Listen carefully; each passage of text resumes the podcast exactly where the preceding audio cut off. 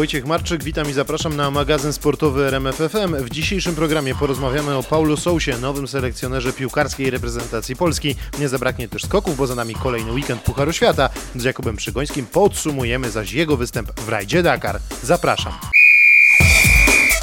Poprzedni tydzień w polskiej piłce był bardzo gorący. W poniedziałek prezes PZPN-u Zbigniew Boniek podjął decyzję o zwolnieniu selekcjonera piłkarskiej reprezentacji Polski Jerzego Brzęczka. W poniedziałek spotkałem się z selekcjonerem reprezentacji narodowej e, Jerzym Brzęczkiem i poinformowałem go, że po głębokiej analizie doszedłem do wniosku, że e, musimy się rozstać.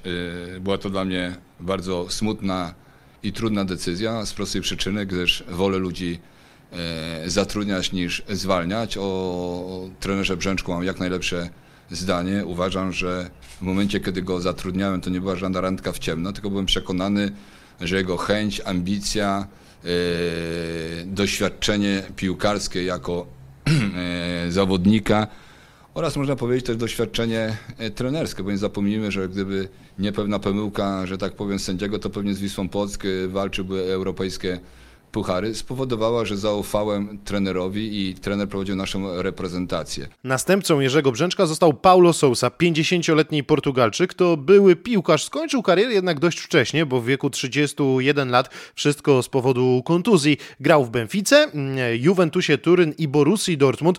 Z tymi klubami wygrał piłkarską Ligę Mistrzów. Sousa zagrał także w 50 meczach reprezentacji Portugalii. Był na mundialu w Korei i Japonii w 2002 roku, ale mecz z reprezentacją Polski przesiedział siedział na ławce. Karierę trenerską zaczynał w Queen's Park Rangers w Anglii. Najlepsze wyniki osiągał w Maccabi Tel Awiw i w Bazylei, bo z tymi dwoma klubami zdobył krajowe mistrzostwo. Najdłużej pracował w Fiorentinie, którą prowadził w 95 spotkaniach. Do tej pory nigdy nie pracował z reprezentacją, a Paweł Pawłowski postanowił zapytać byłego selekcjonera naszej reprezentacji Jacka Gmocha o wybór Portugalczyka na stanowisko nowego selekcjonera. Co pan trener sądzi o y, decyzji e, prezesa prezesa Bońka i o wyborze Paulo Sousy na nowego selekcjonera piłkarskiej reprezentacji Polski? No wie pan, y, szkoła jest niezła, portugalska. No, jest taki model y, Santosa, trener reprezentacji Portugalii, a, on, a, a ten Sousa stamtąd się wywodzi, ale muszę powiedzieć, że go nawet pamiętam trochę, bo grał jako zawodnik w Panathinaikosie chyba w 2001 czy 2002 roku. Natomiast y, dlaczego jest dobra? No bo też jest y, budowana drużyna wokół Ronaldo, a u nas myślę, że, no nie myślę, ale to uważam, że tak powinno być, drużyna y, powinna być budowana wokół Lewandowskiego.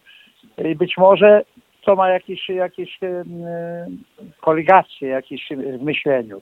To jedno. E, druga, no na pewno nie był reprezentacji, e, nie prowadził, asystentem był, więc na, na pewno e, też, że tak powiem, mógł coś tam, znaczy nie tylko, ale poznał specyfikę pracy, bo o co chodzi. Mhm. Tu jest, to, to jest praca trenera reprezentacji narodowych, różni się tym, że w zasadzie nie może się mylić. Ma dużo więcej czasu w sensie czasu, ale nie z zawodnikami. Ale teraz technologia pozwala na to, żeby, żeby również mieć kontakt e, wirtualny, e, który bardzo pomaga e, w, w budowaniu zespołu.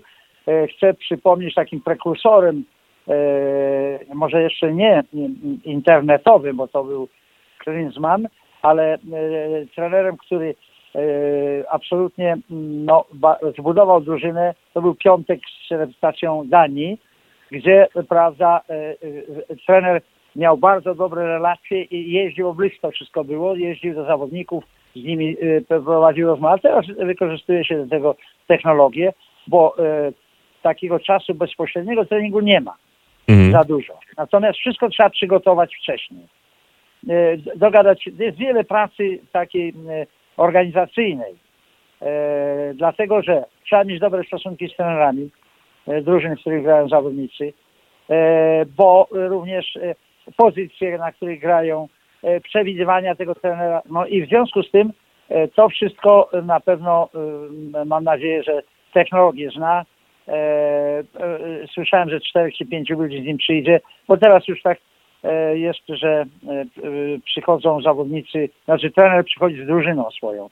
I, i tu chciałbym się ustosunkować do, do, do e, psychologa, bo miałem to szczęście zaczynać w piłce nożnej. Myślę, że byliśmy chyba prekursorami na świecie. Zatrudnienia w naszym, w naszym teamie technicznym była pani psycholog. I w ogóle mm, psycholog musi mieć określone ramy, tak samo jak wszyscy współpracownicy. Na czym, to, na czym ta polega współpraca? I, i trener odpowiedzialny ma formułować problemy, musi umieć e, formułować problemy, na które zawodowcy w tej dziedzinie mają znaleźć odpowiedź. Ale, ale e, mhm. końcowa, e, że tak powiem, diagnoza stawiana w oparciu o te o, o zdobyte informacji należy tylko i wyłącznie do trenera. I wtedy właśnie tacy jak Klopp, tacy jak Mourinho, tacy jak Guardiola i wielu innych trenerów, którzy no ja myślę, że E, e, ktoś się tutaj dobija do nas. E, również trener Lipska, Nagelsmann jest tym jak gdyby pocztą takiego prekursora wykorzystującego do maksimum wszystkie nowości technologiczne, które mogą pomóc w prowadzeniu zespołu. I to wszystko mam nadzieję, że z takimi ludźmi przyjdzie i będzie pracował jednocześnie. Czy zna reprezentację Polski. No miał czas, no jak, jak wcześniej, na pewno przypuszczam, że wcześniej się dogadali, e, wchodzi, tylko zaskoczenie to było dla wszystkich tych, co nie mają tam, jak to się mówi, ucha w PZPN. Wierzę głęboko, że to jest wszystko koncepcja e, pisemna. Nie tylko w umowie, jakie tam powiedzmy PZPN i, i, i, i e, sekretariat, znaczy prezes Boniek,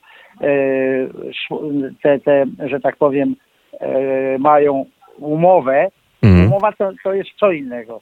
A co innego jest koncepcja i strategia pracy z reprezentacją e, Polski e, przed celami, na, cele, które są przed nami które mamy zdobyć. A co o Paulo Sousie sądzi były napastnik naszej reprezentacji, a także FC Porto Grzegorz Mielcarski? Po co? Skąd taka decyzja? Bo mamy Jerzego Brzęczka, człowiek, y, który był broniony przez Zbigniewa Bońka.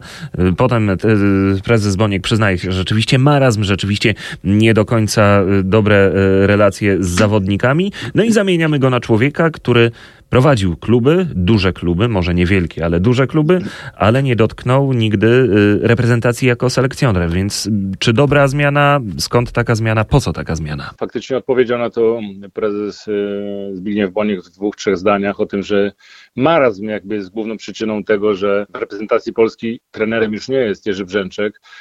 Ja sobie zdaję sprawę z tego, że, że, że ten marazm tak nazwany, czyli ten styl drużyny być może, a może nawet na pewno się w nie wszystkim podobał.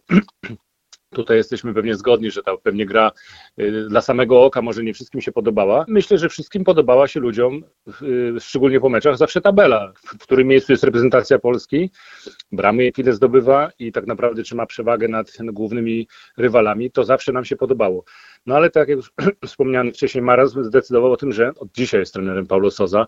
Paulo Soza, który tutaj chyba nie ma większego znaczenia, czy był trenerem reprezentacji, bo przecież wielu trenerów wcześniej obejmujących kadrę, wcześniej też te jego zaszczytu wcześniej nie mieli, choćby tak samo jakby jak trener Nawałka. Ale na pewno, na pewno doświadczenie Pawła Sozy dzisiaj może odgrywać rolę e, jego, jego powiedzmy przeszłość piłkarska jego, i, i, i szczególnie te, trof, te, te trofea, które zdobywał w Dortmundzie czy Juventusie.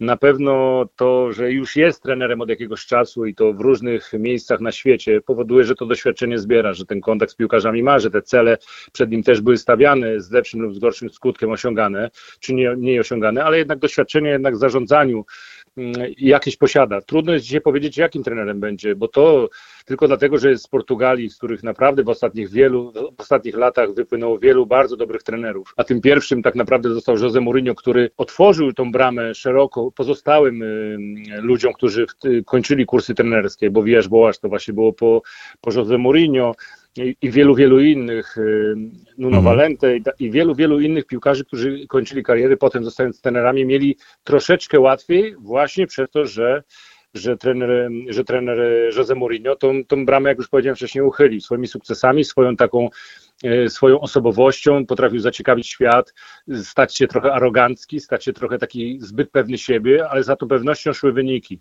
za tą pewnością siebie, za tą arogancją szły konkretne, zdobywane, osiągane cele.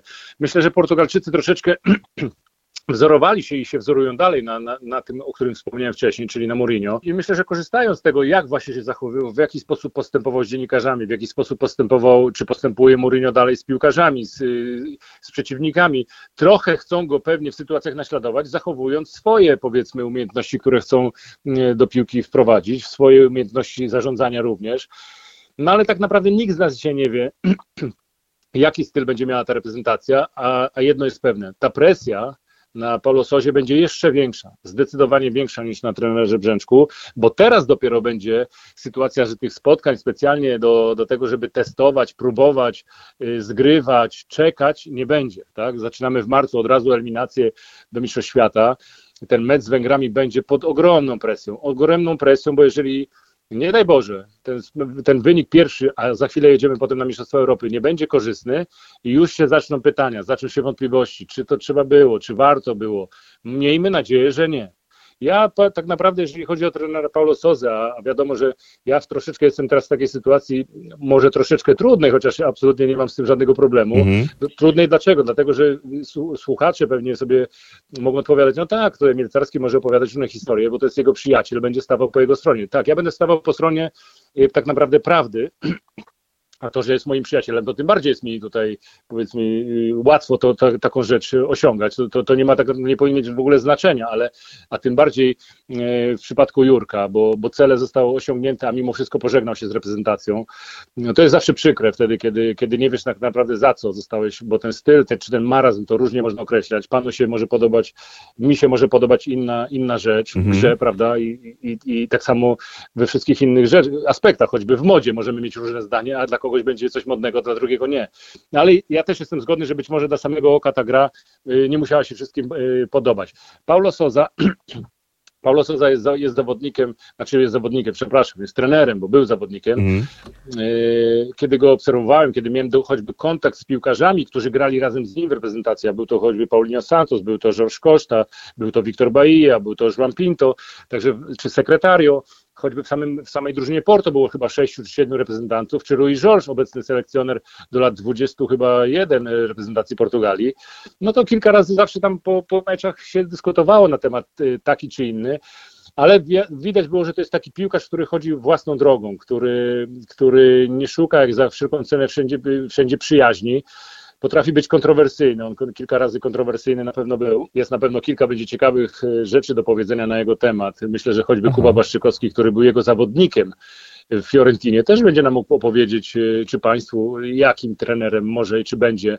No właśnie, tam podobno panowie się nie, nie do końca y, lubili, a Kuba Błaszczykowski powiedział wprost, że ze względu na złożoność y, sytuacji, no i też ze względu na pana Jerzego Brzęczka, no nie zajmie tutaj stanowiska, jeśli chodzi o no wymianę no, tych trenerów. I też, trzeba to, I też trzeba to zrozumieć i uszanować, że taka jest dzisiaj taka sytuacja, jaka się wytworzyła i, i trzeba to uszanować, że dzisiaj nie ma zamiaru y, Kuba wypowiadać się, no to, to, to jest, dla mnie to jest całkowicie e, normalna sytuacja, mm -hmm. ale, mhm. ale mówię tak jak już powiedziałem wcześniej, ta presja będzie, będzie ogromna. Tutaj to oczekiwania również, mamy zawsze wrażenie i, i, i poniekąd słuszne, bo różne feder, znaczy federacje, związki polskie zatrudniały w danych dyscyplinach trenerów z zagranicy, zagranicy i tak samo kluby piłkarskie, kiedy zatrudniają samych piłkarzy czy trenerów z zagranicy, mają większe oczekiwania oczekiwania, że tutaj będzie coś nadzwyczaj dobrego i wierzmy, że tak jest. Ja kibicuję e, panu Sozie, dlatego że ja jestem kibicem reprezentacji Polski i bez względu na to, kto jest trenerem, czy będzie trenerem tej reprezentacji, będę zawsze kibicował naszemu krajowi i będę trzymał bardzo mocno kciuki. On jest jedną częścią tej kadry. E, dzisiaj, od dzisiaj jedną z ważniejszych części, ale to nie ma dla mnie tutaj dzisiaj znaczenia antypatię czy przyjaźń moja z Jerzym Brzęczkiem. Oczywiście ona sobie przetrwa. Natomiast tu chodzi o to, czy mógłbym wykazywać teraz jakąś taką niechęć do Paulosa, wręcz przeciwnie, będę kibicował mu, jak każdemu y, zawodnikowi, każdemu trenerowi, który w tym sztabie będzie i, i wszystkim, którzy przy tej piłce będą robili to, aby ta reprezentacja wygrywała. Chciałem zapytać właśnie jeszcze o relacje z zawodnikami, bo mówi pan e, tutaj o osobowości e, nowego selekcjonera i zastanawiam się właśnie, czy ta osobowość będzie miała mm, wpływ na jakby funkcjonowanie na linii e, trener, piłkarze, ale też drużyna, kibice, drużyna, mm, dziennikarze. To, co mówiłem, jak właśnie rozmawialiśmy jeszcze na OFie o trenerze, który zdejmuje Cristiano Ronaldo i razem sobie dyrygują reprezentacją Portugalii. No druga sprawa to też umiejętność właśnie komunikowania się ze światem e, zewnętrznym, co no, myślę, że się zgodzimy obaj, że e, trener Brzęczek może no, nie do końca posiadł tę umiejętność. I pytanie, czy właśnie tutaj cechy osobowościowe nowego e, selekcjonera reprezentacji Polski wpłyną być może na właśnie to, jak, czy, czy będzie postrzegany jako autorytet zarówno przez piłkarzy, jak i przez kibiców. No i czy będzie Pana zdaniem też jakby tutaj zasięgał trochę porad Roberta Lewandowskiego, kapitana, no i najlepszego piłkarza na świecie świecie. Zawsze wielki autorytet trenerski, oczywiście, że może zapytać zawodnika o pewne kwestie taktyczne, może go zapytać, na pewno nie będzie się go radził każdego dnia zgrupowania i pukał do jego drzwi, czy tak mu pasuje, czy to mu odpowiada, czy ten trening nie jest za długi, albo czy, te, czy sprawy taktyczne w dzisiejszym meczu będą takie, jak on uznaje za dobre warto porozmawiać, warto zapytać, choćby, choćby w dwóch zdaniach usłyszeć opinię piłkarza, ale to autorytet trenerski właśnie polega na tym, że tym się buduje ta siła, że on wie doskonale, co danemu piłkarzowi jest potrzebne, co jest drużynie potrzebne i czasami idąc nawet pod prąd, idąc w opinii, gdzie opinia publiczna oczekuje czego innego, ten trener potrafi wystawić taki skład, takiego zawodnika, broni się tym e, drużyna, wygrywając mecz, przez to trener buduje swój autorytet, że on wiedział, on przewidział, on się nie bał, on był zdecydowany, on był przekonany do tego, że to będzie dobre, ale oczywiście, tak jak wspomniałem wcześniej, zapytać zawodnika, choćby takiego klubu jak, e, jak, jak Bayern Monachium, Roberta Lewandowskiego, który z wieloma świetnymi również trenerami miał do czynienia, czy to, czy tamto opcja może być dobra, jest, jest, jest rzeczą naturalną. Ja jeszcze wrócę może do tego, o czym Pan powiedział, mm. o, o, jeżeli chodzi o trenera Santosa i o Cristiano Ronaldo. Mm. Fernando Santos był, był, kilka lat moim trenerem. On był moim trenerem również w AEK Ateny, ale przede wszystkim w FC Porto. E, to nie jest trener, który idzie na układy z zawodnikami. I ja nie wierzę, powiem panu szczerze, w to, że, że on się musi konsultować Cristiano Ronaldo w wielu kwestiach. To, co było widać o tej sytuacji, o której pan opowiadał, tak. jest też absolutnie naturalną rzeczą, kiedy Ronaldo zszedł z boiska, że został na ławce, wspierał swój zespół, bo wynik nie był jeszcze rozstrzygnięty i, i, i zachowywał się jak lider, który na boisku, wiadomo jak, jak zachowuje się Ronaldo, no to tym bardziej emocje zawsze są piłkarze często to podkreślają, że większe, jeżeli nie grasz, niż jesteś tam e, w środku tych czterech linii, prawda? Że to jest trudniej znosić mecz, kiedy, kiedy wiesz, że losy meczu są, cały czas się ważą, ale ty nie możesz bezpośrednio w, w brać w tym udział. Fernando Santos nigdy by sobie nie pozwolił na to, żeby piłkarz któryś mu powiedział, że ten czy tamten zawodnik mógłby grać na tej lub innej pozycji, czy, in, czy na przykład sugerować założenia może z nim porozmawiać, oczywiście, ale to nie jest, ta, to nie jest taki, taki typ y, człowieka. No ale to już jakby tak odchodząc od tego, to wrócę do tego, o co pan też mm. pytał i o, to, o tą osobowość. Tak, dla polskich piłkarzy będzie to bardzo ważne. Co jest ważne dla zawodnika? że ma do czynienia dzisiaj Paulo Soza. Doskonale każdy piłkarz sobie wygoogla, tak?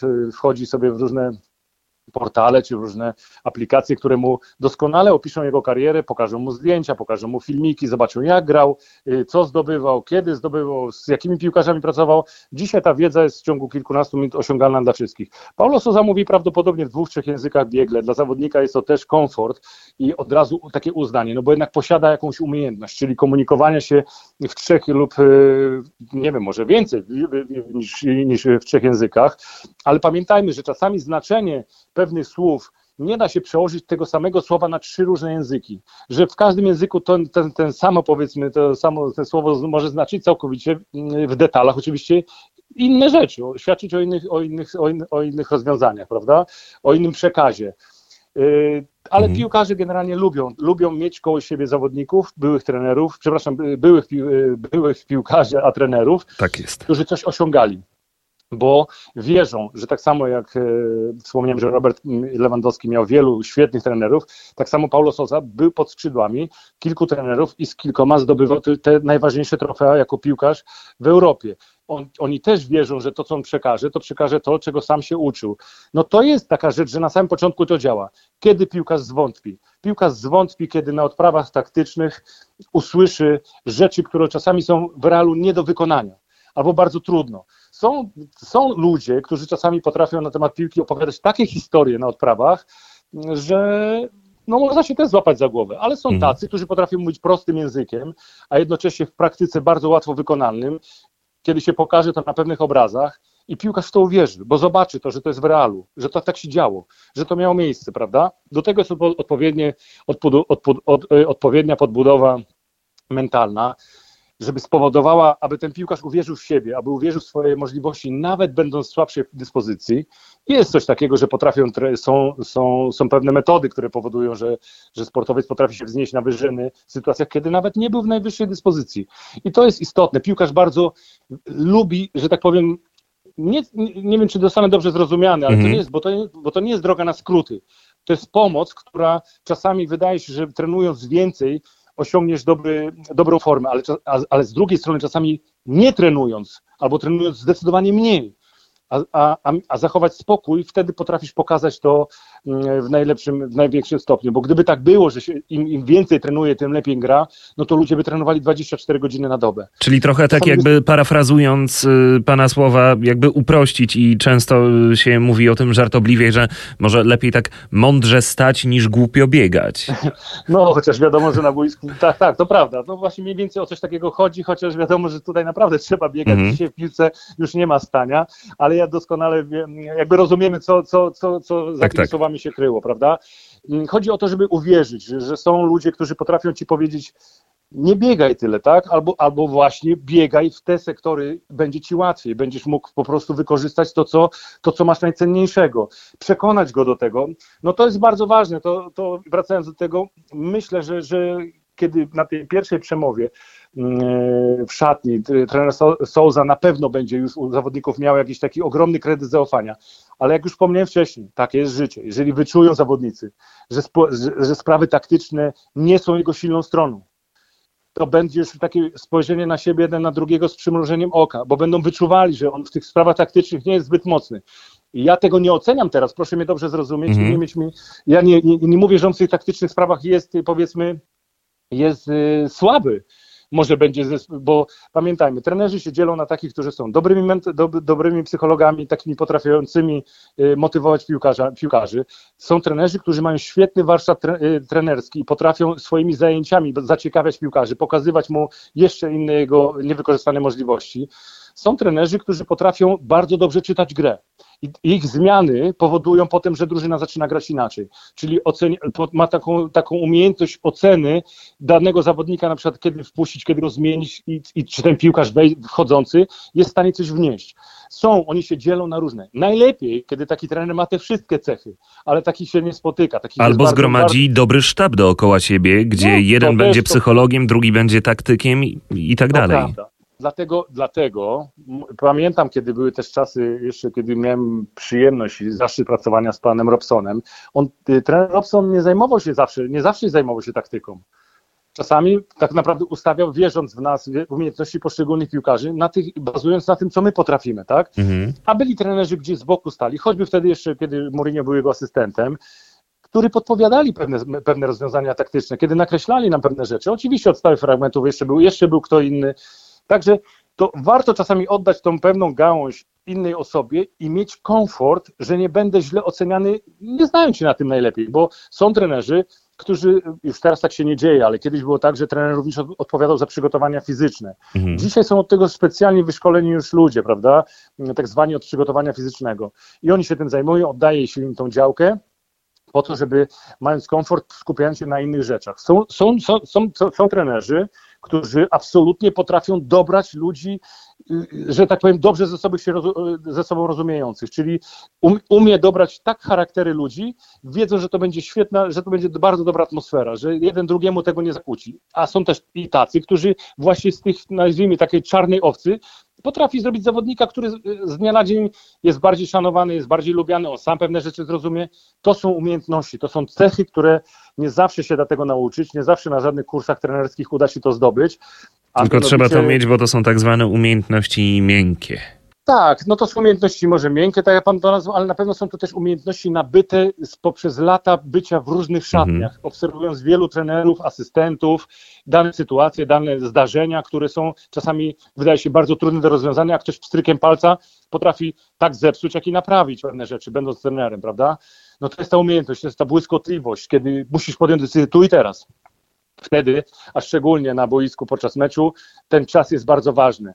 Y, tu i teraz robię zmianę, tu i teraz y, przesuwam zawodnika na inną pozycję, tu i teraz zmieniam ustawienie zespołu. To ta błyskotliwość, właśnie to czytanie gry, no jest chyba najcenniejsze. A piłkarz, kiedy zobaczy, że to się sprawdziło, wychodzi wtedy do tego trenera z ogromnym też uznaniem, no i jeszcze większym szacunkiem i, i o tym, co pan powiedział na początku, z takim, ten autorytet e, naturalnie, że on wtedy rośnie. Za nami kolejny weekend y, Pucharu Świata w skokach narciarskich. Tym razem skoczkowie rywalizowali w fińskim Lahti. Sobota była dla nas bardzo udana. W konkursie drużynowym biało-czerwoni zajęli drugie miejsce. Wygrali Norwegowie. Na trzecie miejsce zajęli Niemcy. Dzisiaj było, e, dzisiaj było wszystko w porządku. Nawet bym powiedział, że było za dobrze, bo ten pierwszy skok, e, w sumie pierwszy próbny i pierwszy konkursie były za wcześnie odbite, co w ogóle jest do mnie niepodobne. A drugi już był taki normalny, fajny. Fajnie. fajnie, no fajnie, no tak. Jak na, jak na dzisiaj, no to fajnie. Dziś sobota, to tak fajnie. Wydaje mi się, że mamy świetną drużynę i nie tylko mówię o, o, o tej czwórce, która startuje, bo e, no, uważam, że, że, każdy po prostu walczy o miejsce w drużynie i chce być w tej drużynie, bo, bo widzi co się dzieje. E, no i to, to jakby to jest takie wzajemne się, może nie, nie jakieś e, motywowanie, bo każdy jest motywowany, ale to jest takie, takie fajne, do, dokładanie sobie po prostu energii e, i, no i, i co, i takie rozpędzanie się. Mówili na antenie Eurosportu nasi reprezentanci biało-czerwoni tego dnia skakali w składzie Piotr Żyła, Andrzej Stękała, Kamil Stoch i Dawid Kubacki. Niedziela w Lachti dobrze się zapowiadała, bo przesunięte z piątku kwalifikacje wygrał Piotr Żyła. Sam konkurs był już jednak jednak nieudany dla naszych skoczków. Najlepszym z Polaków okazał się, tak jak w kwalifikacjach, Piotr Żyła, ale zajął dopiero 11 miejsce i po raz pierwszy w tym sezonie naszego reprezentanta zabrakło w czołowej dziesiątce konkursu Pucharu Świata. Ten kwali był naprawdę fajny, a później, później już było trochę gorzej. No, tak brakowało mi fajnego odejścia, takiego właśnie płynności takiej. No ale dwie jedynki, trzy jedynki w sumie dzisiaj, nie, nie jest źle. Oceniał swoje skoki na antenie Eurosportu Piotr Żyła, 15 był Stękała, 16 Stoch, a Kubacki wolny i zniszczał. W trzeciej dziesiątce do drugiej serii nie awansował Paweł Wąsek. Na pewno nie skończyło się tak jak e, my chcieli, nawet e, tak jak kwalifikacja wyglądała. To za, za, zawsze jakieś e, pozytywy z tego wyciągnąć. Dla, dla Kuby na przykład w porządku zawód, Olo zapunktował. A tak szczerze tych pozytyw nie jest, nie jest dużo. Tak jest.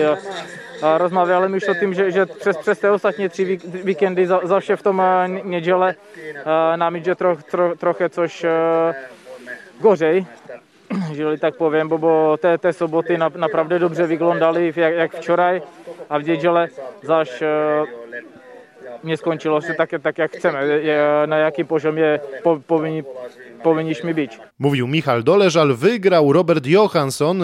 Upadek w ostatnim skoku zaliczył lider Pucharu Świata Halvor Egner Granerud. Pofrunął on daleko, za 137 metr, ale nie ustał tego dalekiego skoku i ostatecznie mm, zakończył rywalizację w niedzielę na czwartej pozycji. W kolejny weekend do Willingen zmiana w naszej kadrze. Na kolejny weekend w Willingen zmiana w naszej kadrze. Nie pojedzie do Niemiec Paweł Wąsek, zastąpi go w reprezentacji Klemens Murańka. Po raz drugi w karierze Jakub Przygoński zakończył najtrudniejszy rajd świata, rajd Dakar na czwartym miejscu. Można mieć wrażenie, że to pozycja najgorsza dla sportowca, bo tuż za podium, ale przed y, polskim kierowcą, przed kierowcą Orlen Teamu znaleźli się m.in. bardzo utytułowani y, kierowcy, czyli Stefan Peter Anzel, czyli Mr. Dakar, a także Carlos Sainz. Także Jakub Przygoński podchodzi do tego wyniku w Dakarze y, z dużą radością, a jakie są jego dokładnie wrażenia mm, po ściganiu w Arabii Saudyjskiej. E, o tym rozmawiał z Jakubem Przygońskim Patryk Serwański. Jakub Przygoński, Kuba, e, czwarte miejsce na Dakarze, wróciłeś już do kraju, także e, witaj w zimowych warunkach zupełnie innych niż te, które miałeś okazję ostatnio oglądać. Tak, wróciliśmy do, do kraju. Tutaj od razu zastała nas mocna, mocna zima tak jak liczę, 40 stopni różnica temperatur w ciągu tam no, 12 godzin, bo było 28 jak y, opuszczaliśmy Jeddah, Arabię Saudyjską i tutaj minus 12, więc mocna zima. No to rzeczywiście różnica kolosalna. Powiedz w takim razie, bo czwarte miejsce, przed tobą same tuzy y, Dakaru, Peter Anzel, y, Nasser Al-Attiyah, Sainz i teraz zastanawiam się, czy ty analizując sobie to czwarte miejsce, myślisz, dobra, no z taką trójką to ja jeszcze mogę być za ich plecami, czy już troszkę cię to jednak gryzie, że, że chciałbyś już gdzieś tam nieco wyżej i tym największym gwiazdom właściwie y, rajdu Dakar mocniej jeszcze zagrozić? Na pewno jest to dla mnie wielki zaszczyt, że jestem w tym gronie i wydaje mi się, że y, z tego już się trzeba cieszyć i ja się bardzo cieszę, chociaż wiadomo, zawsze trzeba, ich chcie, trzeba chcieć i mieć ambicje być, być wyżej, chociaż jak później sobie popatrzysz na wyniki zawodników, którzy są przed nami, albo zawodniki, za, wyniki zawodników, którzy są za nami, no to, no to jest to mocna ekipa, super zawodników, super kierowców tak naprawdę ze wszystkich krajów świata, którzy najlepiej się odnajdują w tej dyscyplinie, albo i nawet nie. E, więc y, naprawdę czuję się zaszczycony. Tak nawet patrząc na same możliwości, wyniki zawodników przede mną, to każdy z nich już wygrał Dakar e, kilka razy. Albo inaczej patrząc, y, za mną też zawodnicy wygrali kilka Dakar, y, kilka razy, więc jestem w gronie naprawdę mocnym i to też widać na przestrzeni ostatnich dwóch lat, bo dwa lata temu mieliśmy czwarte miejsce. W zeszłym roku była awaria, ale jakby nie było mniej więcej tej awarii, no to też byśmy gdzieś byli bardzo blisko tej, no, tego tak naprawdę trzeciego, czwartego miejsca. E, więc to też pokazuje, że na tle wszystkich zawodników od tych dwóch, trzech lat y, forma jest dobra to wywołałeś ten temat dosyć istotny, wspominałeś o tej awarii z przeszłości, ale w tym roku, no to y, pod tym względem miałeś naprawdę świetnie przygotowany sprzęt, bo często podkreślamy, no dobra jazda jednego czy drugiego zawodnika, ale na Dakarze jazda to jest jedno, nawigacja to jest drugie, a sprzęt to jest y, punkt trzeci i one są wszystkie właściwie równoznaczne. W tym roku chyba nie możesz powiedzieć złego słowa, jeśli chodzi o to, czym dysponowałeś.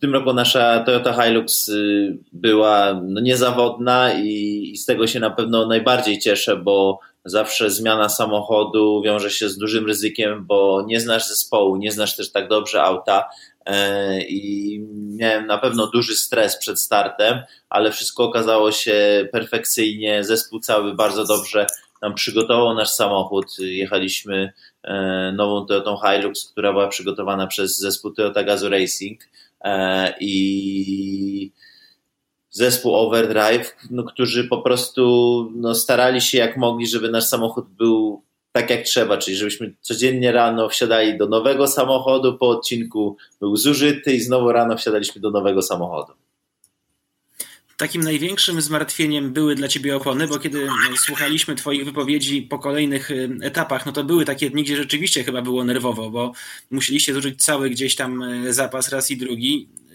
To, to jest taki moment, że jedziesz i, i wiesz, że jakby no już nie wszystko jest zależne od ciebie i gdzieś tam jakiś pech może spowodować już gigantyczne problemy. To, to były takie najbardziej stresujące momenty, czy jakieś inne?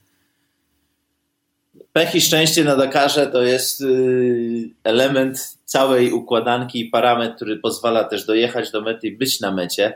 E, w tym roku organizator po zeszłym roku w Arabii Saudyjskiej, po zeszłym bardzo szybkim Dakarze, gdzie mieliśmy bardzo duże średnie prędkości, e, starał się zrobić mniejszą średnią prędkość, czyli po prostu zwolnić nas. Jednym z elementów były, były kamienie, na których jechaliśmy i których było w drugiej części rajdu, można powiedzieć, przez cały czas.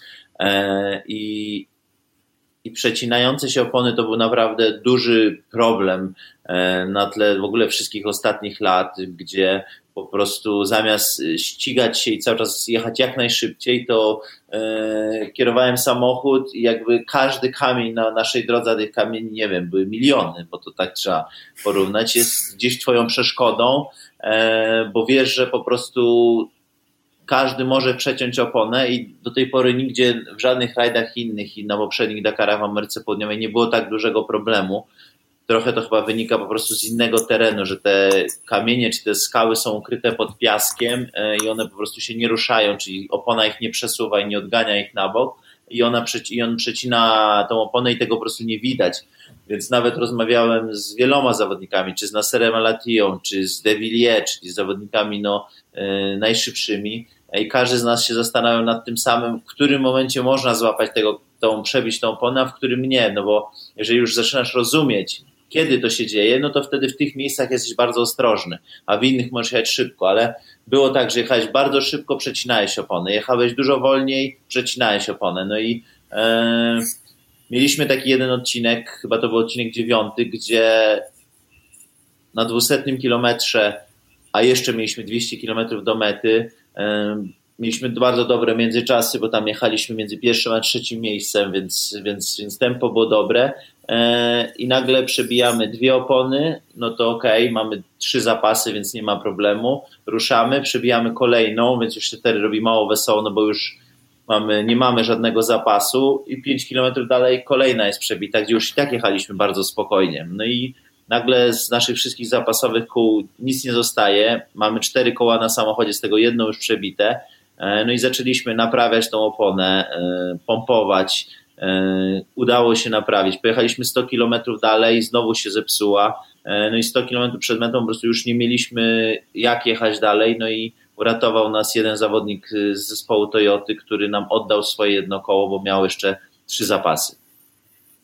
Zastanawiam się, czy czy ty po takim dniu y, tak pełnym emocji, w jaki sposób y, się powiedzmy uspokajasz? Czy to jest takie zmęczenie po etapie, że właściwie y, schodzi samo, czy, czy masz jakiś, nie wiem, zestaw ćwiczeń, pewnych zachowań, które pozwalają ci, kiedy dojedziesz do mety, jakoś się wyciszyć, uspokoić, bo przecież tego czasu na to, żeby właśnie się uspokoić i, i przygotować do kolejnego etapu jest bardzo mało, tego czasu na regenerację, więc jak ty dbasz o to, żeby po takim dniu, który na pewno daje ci w kość, szybko dojść, że tak powiem, do siebie, tak, do ładu i składu e, i mentalnie, i, i, psychicznie, bo fizycznie, no to wiadomo, że to się gdzieś tam będzie z dnia na dzień nawarstwiało powolutku.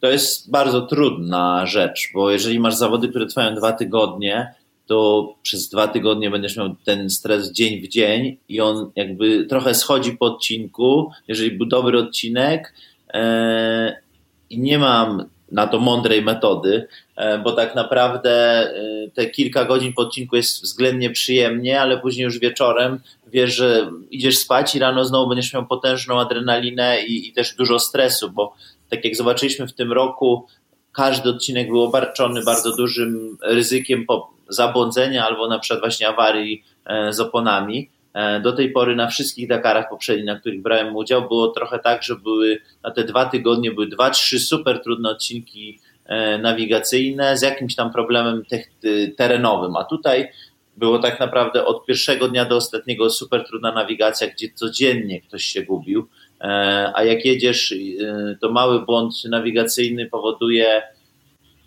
bardzo szybko straty. Łatwo jest stracić, nie wiem, 10 minut, 15, bo to jest tak naprawdę 3-4 kilometry w jedną stronę, zawrócić i już jesteś jakby 15 minut w plecy, jeśli źle pojechałeś.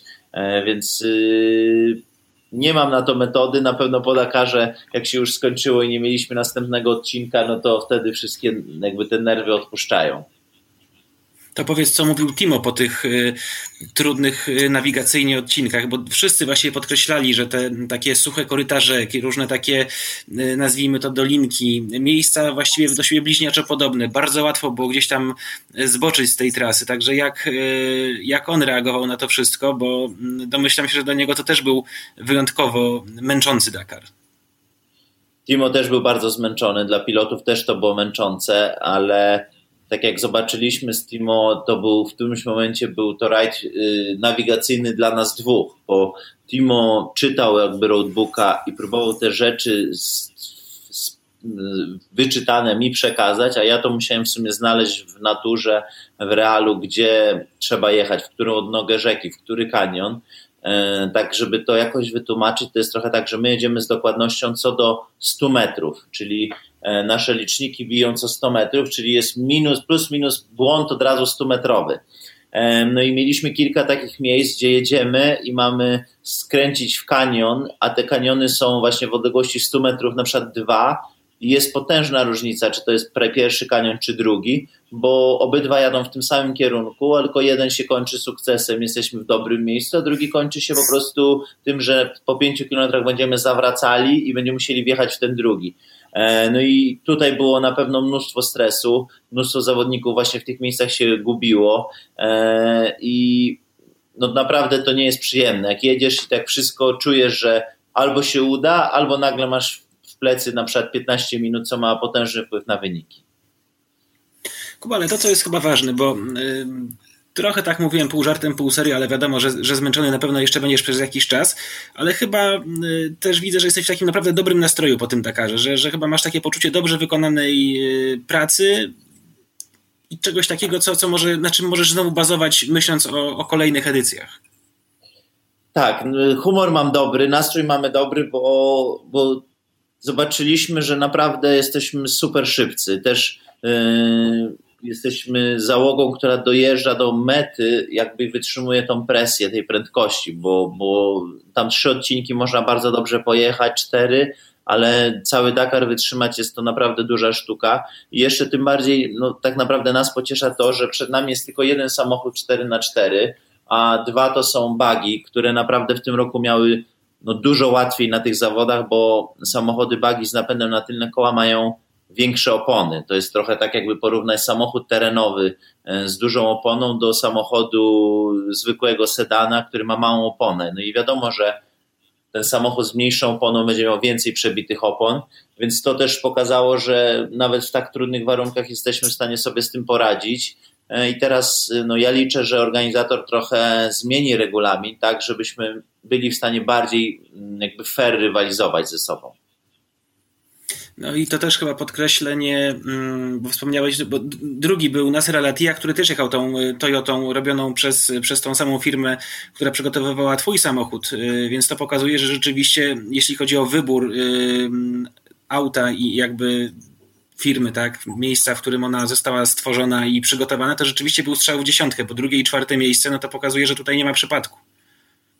Tak, nasz samochód był super dobry i dobrze się nim jechało. E, po prostu trochę tak jest, że zawsze są regulaminy. Im bardziej ten sport jest zaawansowany i profesjonalny, tym regulamin jest coraz mocniej jakby ogranicza różne rzeczy e, i do tej pory w miarę dało się to bardzo wyrównać, e, że te samochody wszystkie były stosunkowo równe, ale w tej chwili mamy na Dakarze tak naprawdę pięć różnych konstrukcji samochodów, a wszystkie jadą w jednej klasie i wszyscy razem rywalizują, bo są samochody bagi z napędem na tylne koła i benzynowy i z silnikiem diesla. Później mamy samochody 4x4, benzynowy, e, benzynowy turbo i diesel turbo, więc to jest pięć konstrukcji, które trochę muszą być ze sobą jak najbardziej zrównane, ale to są całkowicie inne pomysły na, na, na, na ściganie, na zbudowanie samochodu.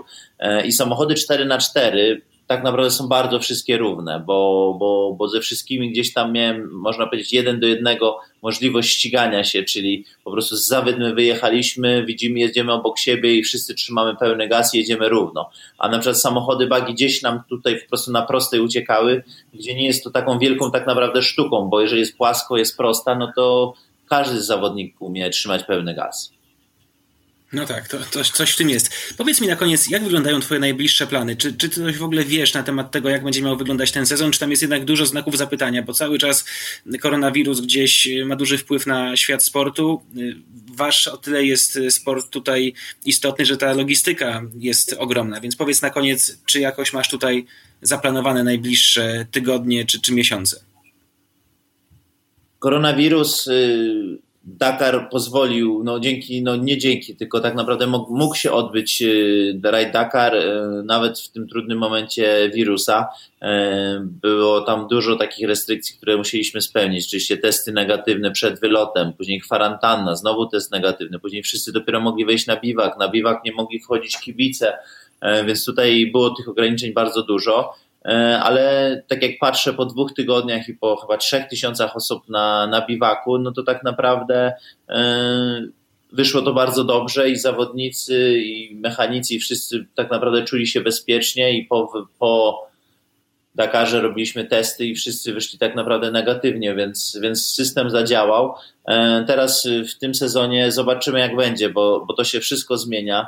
Generalnie najtrudniejszą rzeczą w tej chwili jest podróżowanie po świecie. Jeżeli jakiś kraj, można powiedzieć, no, nagle zamyka granicę i nie da się do niego przylecieć, no to wtedy będzie bardzo trudno, bo Raid Dakar są to wielkie zawody, gdzie jest potężna też siła, można powiedzieć, organizatora i polityczna, która pozwala nagle zrobić specjalne wyjątki. E, a w Pucharze Świata jest troszeczkę mniej tej jakby potężnej siły, która czasem może zabronić, ale na razie na pewno tą pierwszą część sezonu będziemy jechali tutaj w Polsce Mistrzostwa Polski w drifcie, więc tutaj uślizgi e, i drift, e, a druga część roku e, będziemy planowali zawody pustynne, bo też trochę czekam właśnie na różne decyzje a propos zmian w regulaminie, bo liczę, że one będą, żebyśmy mogli tak naprawdę fajnie rywalizować i też od tego ma znaczenie jakim samochodem e, będziemy jechali. W tym magazynie sportowym to wszystko. Na kolejny zapraszam jak zawsze w poniedziałek już za tydzień.